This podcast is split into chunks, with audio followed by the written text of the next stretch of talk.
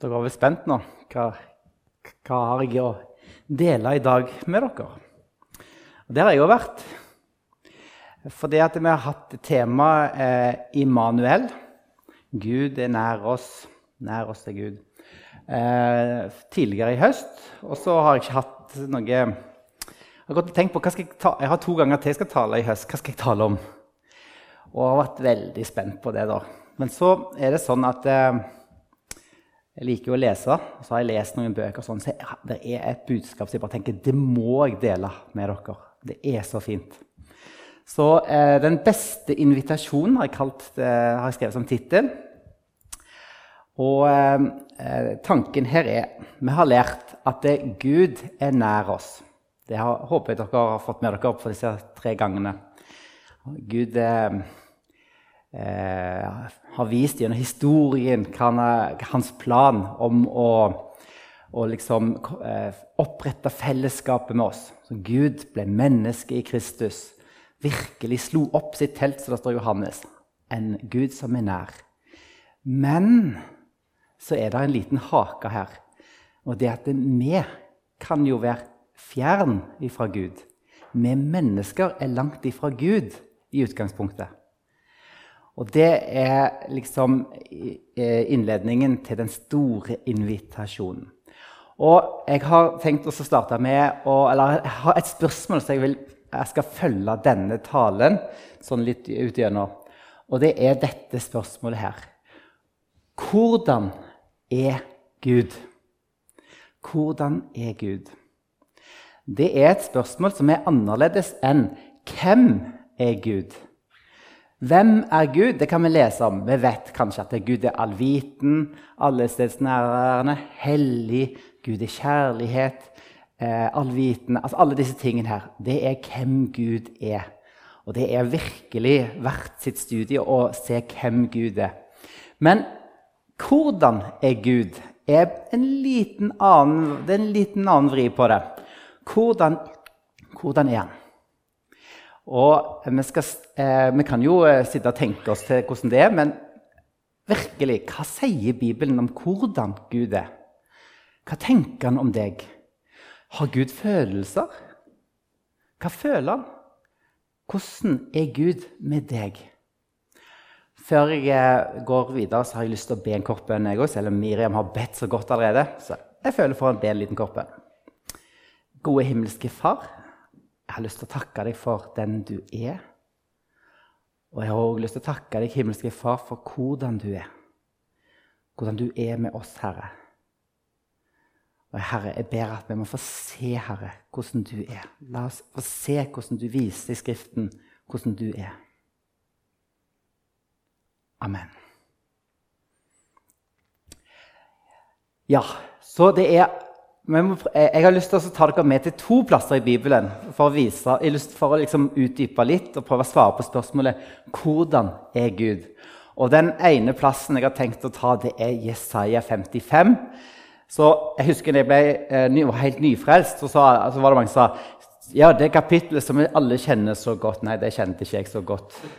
Jesaja, hvor er det henne? Er det i Nye eller Gamle testamentet? Der var jeg da. Så jeg synes det var alltid litt sånn irriterende når folk sa det. Men jeg tror det er et ganske kjent kapittel for mange, mange som har vært kristne lenge. Um, så det er, det er, et veldig fint Det er veldig sånn stilig, mye kjekt for å lese der. Og før, eh, før vi skal gå inn på litt, litt, og se på teksten i Jesaja 55, vil jeg bare fortelle dere litt om hvordan Jesaja er bygd opp. For den boken der er jo kjempelang. Hvor mange kapitler er det? 66. Det er litt morsomt. Det, det kan vi utenat, kanskje, fordi det er 66 bøker i Bibelen. ikke? Så da husker vi det.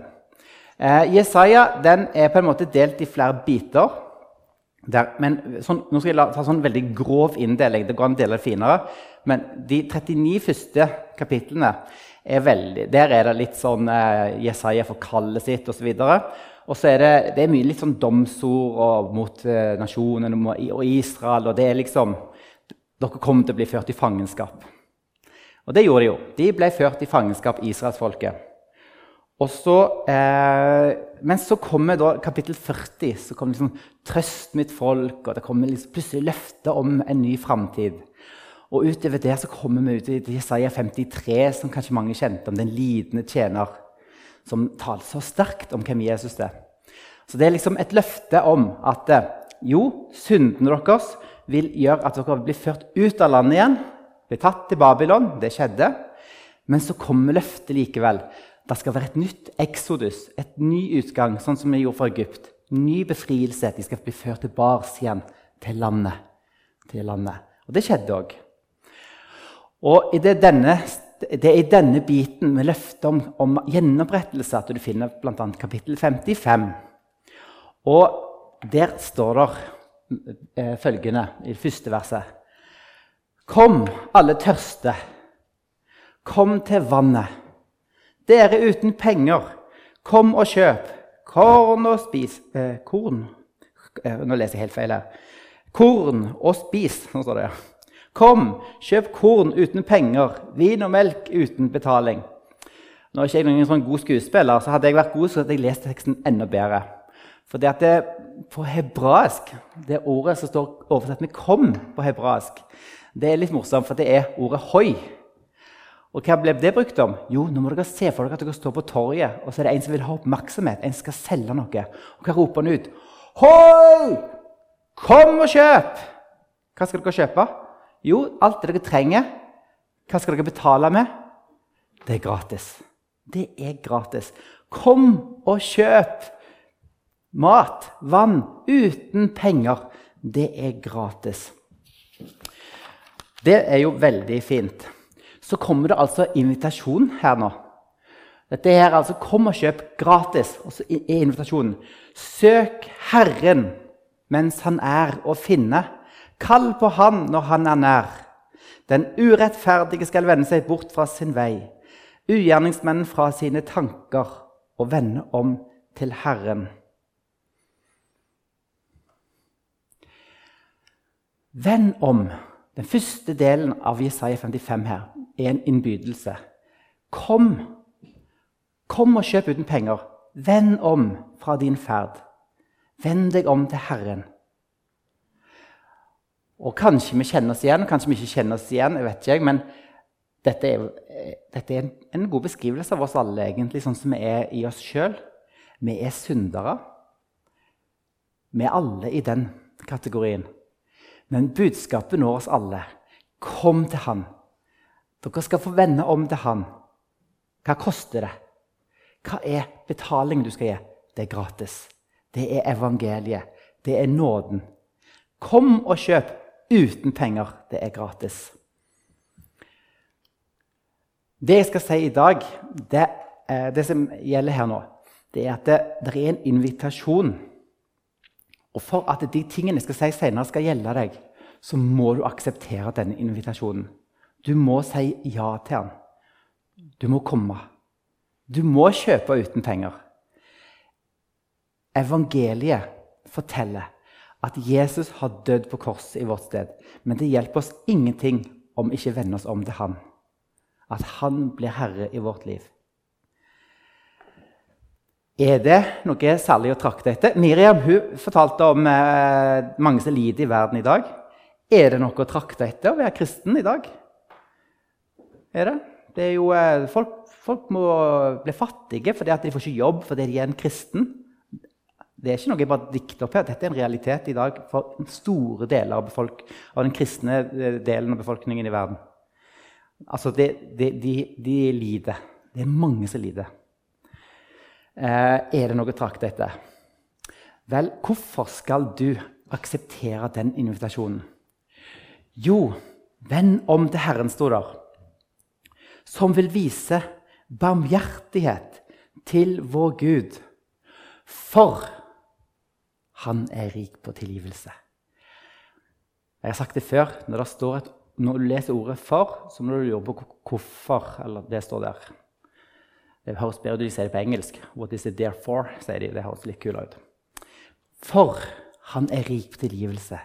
Å komme til han er ikke noe, noe som liksom eh, eh, Det er ikke noe lite. Det er å komme til den levende Gud. Så det er mange som kommer og tar imot innbydelsen, selv om det kan koste dem livet.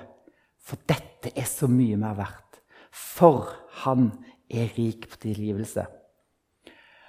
Legg merke til det. I min bibel er det ofte understrekninger. Og jeg, jeg, før, når jeg strekte under i Bibelen, så strekte jeg under sånne gullvers. Ikke sant? De gode versene som alle liker. Men i min bibel i dag, som ligger her, så har jeg begynt å streke helt annerledes. For eksempel, når jeg eh, har en tekst jeg leser, og jeg ser ordet 'for', så blir det strekt unna. Fordi det er begrunnelsen. Og det er alltid en begrunnelse for ting. Hvorfor skal du komme til han? Han er rik på tilgivelse. Men det stopper ikke der, for det er mer for her. For mine tanker er ikke deres tanker, og deres veier er ikke mine veier, sier Herren. For som himmelen er høyt over jorden, slik er mine veier høyt over deres veier, og mine tanker høyt over deres tanker. Kristine sjekker i Bibelen om jeg har rett. Står det sånn i din? Nesten. Ser du at jeg har lagt et ord for der? Det er fordi Bibelselskapet de, de vil ha flyt i språket. Det skjønner jeg. Men det hebraiske ordet for, som er oversatt med 'for', det er hebraiske ordet 'ki'. Og det står der i vers 9 òg, altså. Så De har bare ikke tatt det med. Ikke vet jeg hvorfor. Men det står der òg. Så det er en begrunnelse. Det kommer to ganger her.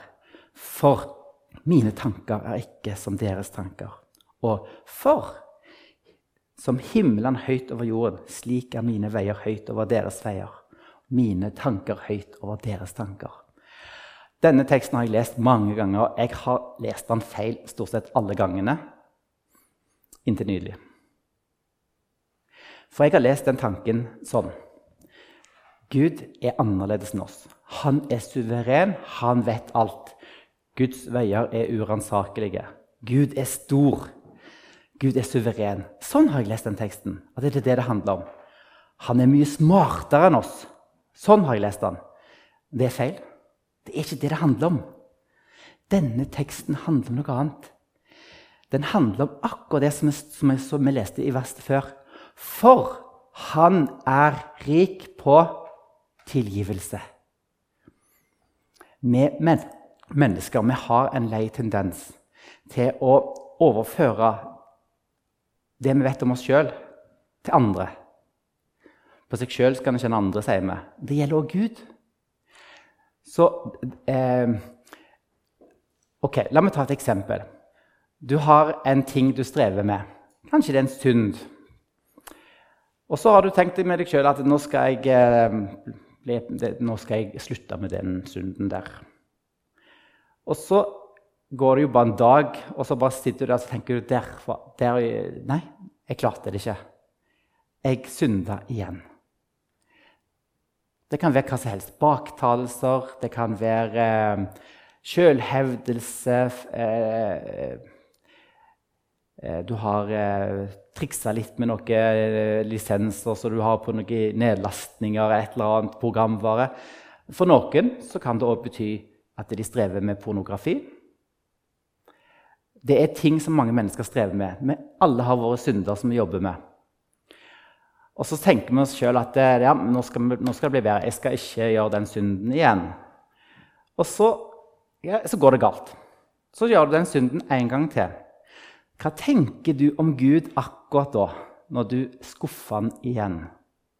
Da tror jeg at vi tenker litt sånn som kanskje vi ville tenkt hvis noen skuffer oss. Din tosk, du klarer jo aldri å skjerpe deg. Men den teksten handler om at Gud er ikke sånn som oss. Gud er annerledes enn oss. For mine tanker er ikke deres tanker, står der. Vi kan se, se, vi kan se på Gud som at han er litt misfornøyd med oss. Ja da, vi vet at vi er tilgitt fordi at evangeliet sier at hvis du bekjenner dine synder, så er han trofast rettferdig som tilgir syndene. Dette vet vi. Så Gud har tilgitt oss. Men det er litt sånn Ja, jeg tilgir deg, men må du? Sånn tror jeg mange ser på Gud. Men det er ikke det som står her. skjønner du. Mine tanker er ikke deres tanker. Gud er annerledes. Jeg tror at når mennesker faller i synd, så ser Gud på deg som en far som elsker deg, og som ikke er, Det er ikke det at han er sint på deg fordi du falt, men han, han, han feller tårer for deg, for han vet at det ikke er bra, det du gjør. Det er sånn det er. Han er rik på tilgivelse. Mine tanker er ikke deres tanker, og deres veier er ikke mine veier, sier Herren. For som himmelen er høyt over jorden, slik er mine veier høyt over deres veier, og mine tanker høyt over deres tanker. Gud er annerledes. Han er en Gud som tilgir uten gruff.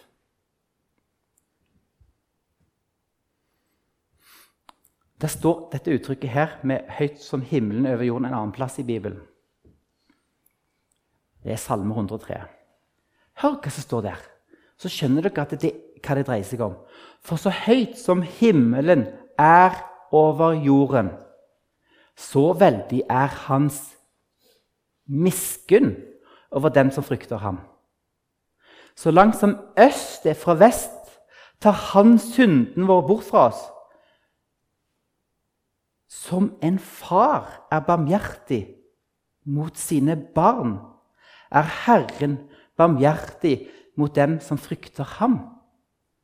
For han vet hvordan vi er skapt. Han husker at vi er støv. Han vet hvor svake vi er. Han vet hvordan vi har det. Om du tviler på det Jesus ble prøvd i alt. Han vet hvordan vi har det. Så høyt som himmelen over jorden, så veldig er hans allvitenhet. Nei, hans miskunn. Jo da, han er så allviten, men det handler om hans miskunn. Gud er høyt over alt og alle. Det ser vi litt senere i Jesaja. I Jesaja 57, to kapitler senere, så sier han Så sier Han som er høyt, uh, høy og opphøyd, Han som troner evig. Den hellige er Hans navn. I det høye og hellige bor jeg. Ja. Og hos den som har knust og nedbøyd i ånden. Jeg vil gi åndens liv hos den som er bøyd ned. I hjertet liv hos den som er knust. Det er jo nesten et slags paradoks. Han som er høyt over alt. Den suverene, hellige Gud som skapte alt. Hvor er han henne? Hos den som er nedbrutt. Hos den som er bøyd ned. Den som er knust. Der er han. For han er en kjærlig fader. Invitasjonen går ut. Kom og kjøp uten penger. Men du må si ja til invitasjonen. Hvordan er Gud? Hvordan er Gud? Han er annerledes enn oss. Gud er ikke sånn som vi.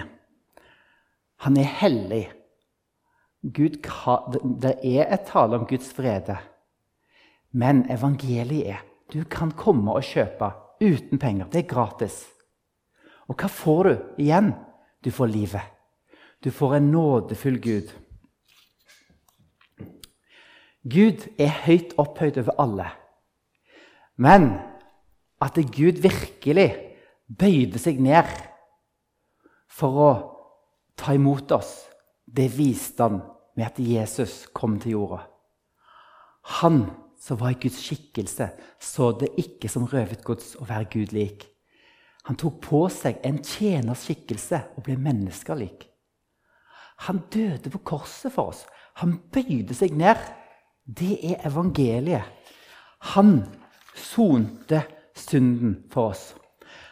Jesaja 55 handler om akkurat dette. Kom og kjøp, for Gud er annerledes. Han står med armene åpne og vil ta imot oss. Og hva er resultatet? Jo, som vi sang i denne sangen Vi skal bli ført hjem igjen til himmelen, til landet. Og, og det står i Jesaja 55 at det, for med glede skal dere dra ut, i fred skal dere først fram. Fjell og hauger skal brute ut i jubel foran dere. Alle trærne på marken klapper i hendene. Var ikke det vi sang i den, den sangen?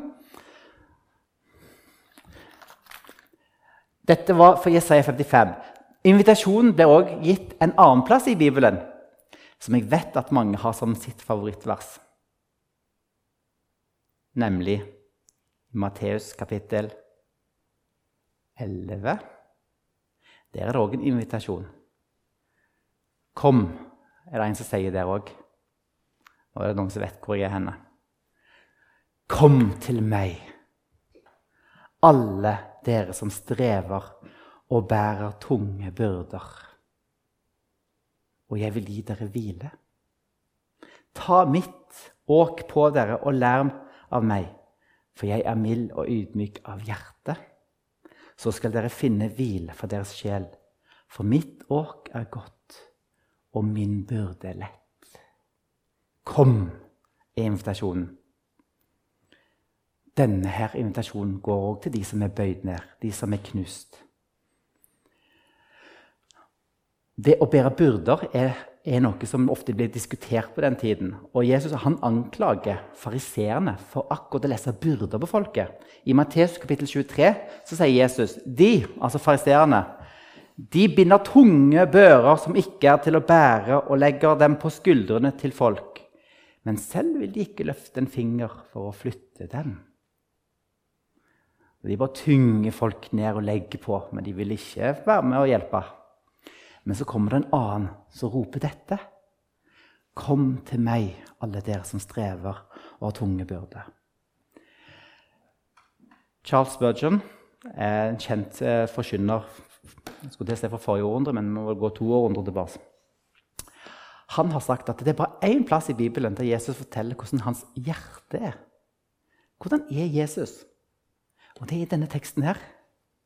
Hva sier Jesus? For jeg er mild og ydmyk av hjerte. Miriam ba dere grunne på en tekst fra Hebreabrevet, men jeg vil skal grunne litt på dette. Hva sier dette om Jesus? For jeg er mild og ydmyk av hjerte. Ja, Da må vi først bare rydde opp i én ting som ofte mange har litt ensidig fokus på. og det er at De leser hjertet så tenker ditt hjerte det er følelser, hjernen det er tanker. Det er sånn vi, vi ofte snakker om i dag. De sier at det, liksom, det er liksom fra, fra, virkelig tro til bare en sånn kunnskap så er det hva de sier, 30 cm eller 40 cm. Det er liksom så langt. Ikke sant? Fra, fra her til her. Og da tenker vi liksom at det, Noen tenker liksom at det går litt på altså Hjertet ble bare en sånn ble litt sånn en vag ting. Men hjertet i, på den tiden og når du leser i Gammeltestamentet, så er hjertet det er ikke senter for bare følelsesliv. Men hjertet er senter for hele personligheten din. Den, hvis du leser i ordspråket, så ser du at det, hjertet det er der du finner eh, motivasjonene våre. springer ut fra der. Det er der kunnskapen ligger. Du tenker med hjertet. De tenkte ikke at de tenkte med hodet. sånn, hjernen Her Her kom det ut fra. Visdommen lå i hjertet. Livet gikk ut fra hjertet. Alt var ut fra hjertet. Bevar ditt hjerte framfor alt. For ut fra det går livet, eller livet går ut fra det. Hvis de skulle fortelle om følelsene våre ordentlig, sånn eh, bare følelser isolert Vet du hva da de pleier å beskrive det med? Det ser ikke så godt i den norske oversettelsen. Men da, da sier de at det sitter i nyrene. I nyrene. Ja? Så hjertet er ikke bare følelser, men det er egentlig hele din personlighet, motivasjonen din, det, du, det som driver deg. For jeg er mild og ydmyk av hjerte, sier Jesus. Han beskriver hvordan han er. Han er mild og ydmyk. Hva betyr det at Jesus er mild? Betyr det at han er sånn snille, milde Jesus og sånn? Nei. Eh, den, det er litt vanskelig, for mild kan forstås på mange måter. Men eh, jeg tror at det, det, kan, noen forstår det litt feil. Og, og, for de er det ikke plass til en Jesus som kommer inn på tempelet og velter bordene inn på bodene og jager folk som driver det med handel ut. Det passer ikke inn i bildet. Å være mild betyr ikke at du bare er sånn veik, svak. Å nei. På gresk på den tiden så brukte de det ordet som er oversatt med mild, om sterke dyr som var blitt tamme. Det betyr altså at de har styrke, men de har selvkontroll over styrken. de, sant, de handler ikke på styrken. Så det ble òg oversatt, oversatt, med ydmyke en del plasser. I F.eks. i Bergpreken i, i, så står det 'Salig er de ydmyke, for de skal arve jorden'. Det er det samme ordet som er oversatt med 'mild' der, ikke 'ydmyk'. Så har vi det andre ordet 'ydmyk', da, som eh, det som blir oversatt med 'ydmyk'. Eh, de overlapper hverandre, de ordene. så derfor så Noen ganger blir det ene oversatt med 'ydmyk', og det andre ganger med andre. Men det ordet som er oversatt med 'ydmyk', det kan også gå det, Motsetningen er kanskje å være stolt på det ordet. Så eh, det kan være å stå i lav rang. Da er du eh, ydmyk. Så det handler om at Jesus han er mild. Han blir ikke sånn bråsint for eksempel, på oss. Når du faller, så er det ikke sånn at han bare Nei, nå gjorde han det igjen. Nei, han er mild. Han er mild, og han er ydmyk. Dette, Noe lignende dette har vi sett når vi har sett på eh, Emanuel. når vi har sett på disse tekstene. I andre Mosebok, kapittel 34, da når Moses ville se Gud og Så ble han stilt i klippen, og så gikk han forbi. Hva var det Herren sa? Jo, det var dette. Herren gikk forbi ham og ropte, 'Herren er Herren, en barmhjertig og nådig Gud, sen til vrede og rik miskunn og sannhet.' Vi tenker kanskje at Gud, når vi skuffer han, så blir han idle på oss. Men han blir mer lei seg fordi han vil vårt beste. Han er sen på vrede. Sen til vrede. Det er litt morsomt, men på hebraisk så står det noe veldig rart der. De har oversatt det til, med sen til vrede. Det står at Gud har lang nese. Det gjør det.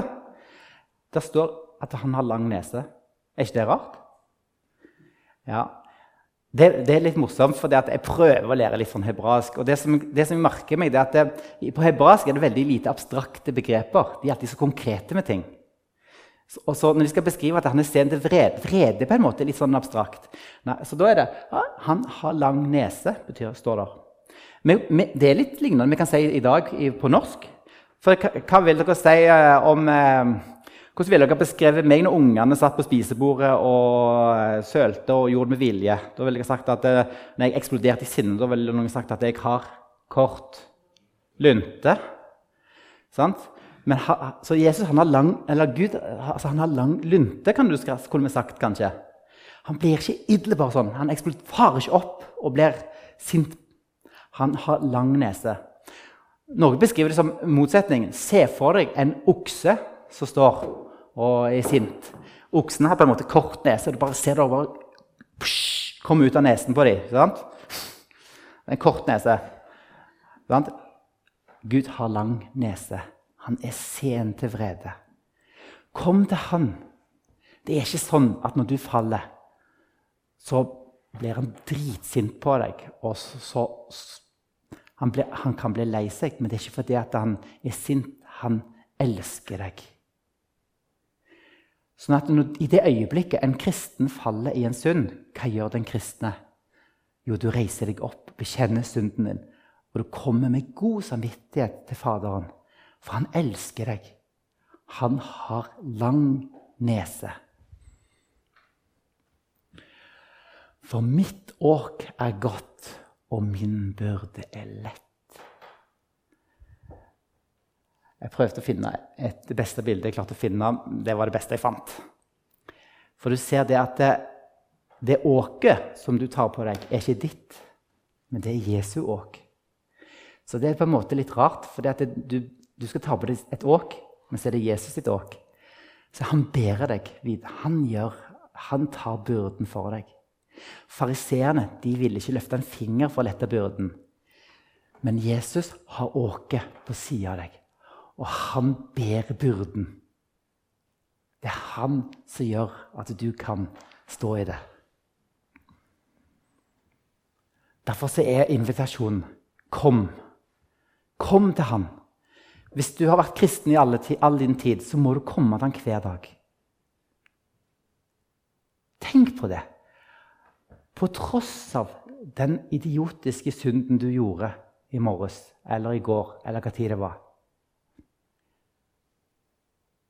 så må du vite at Gud står med armene åpne. Kom.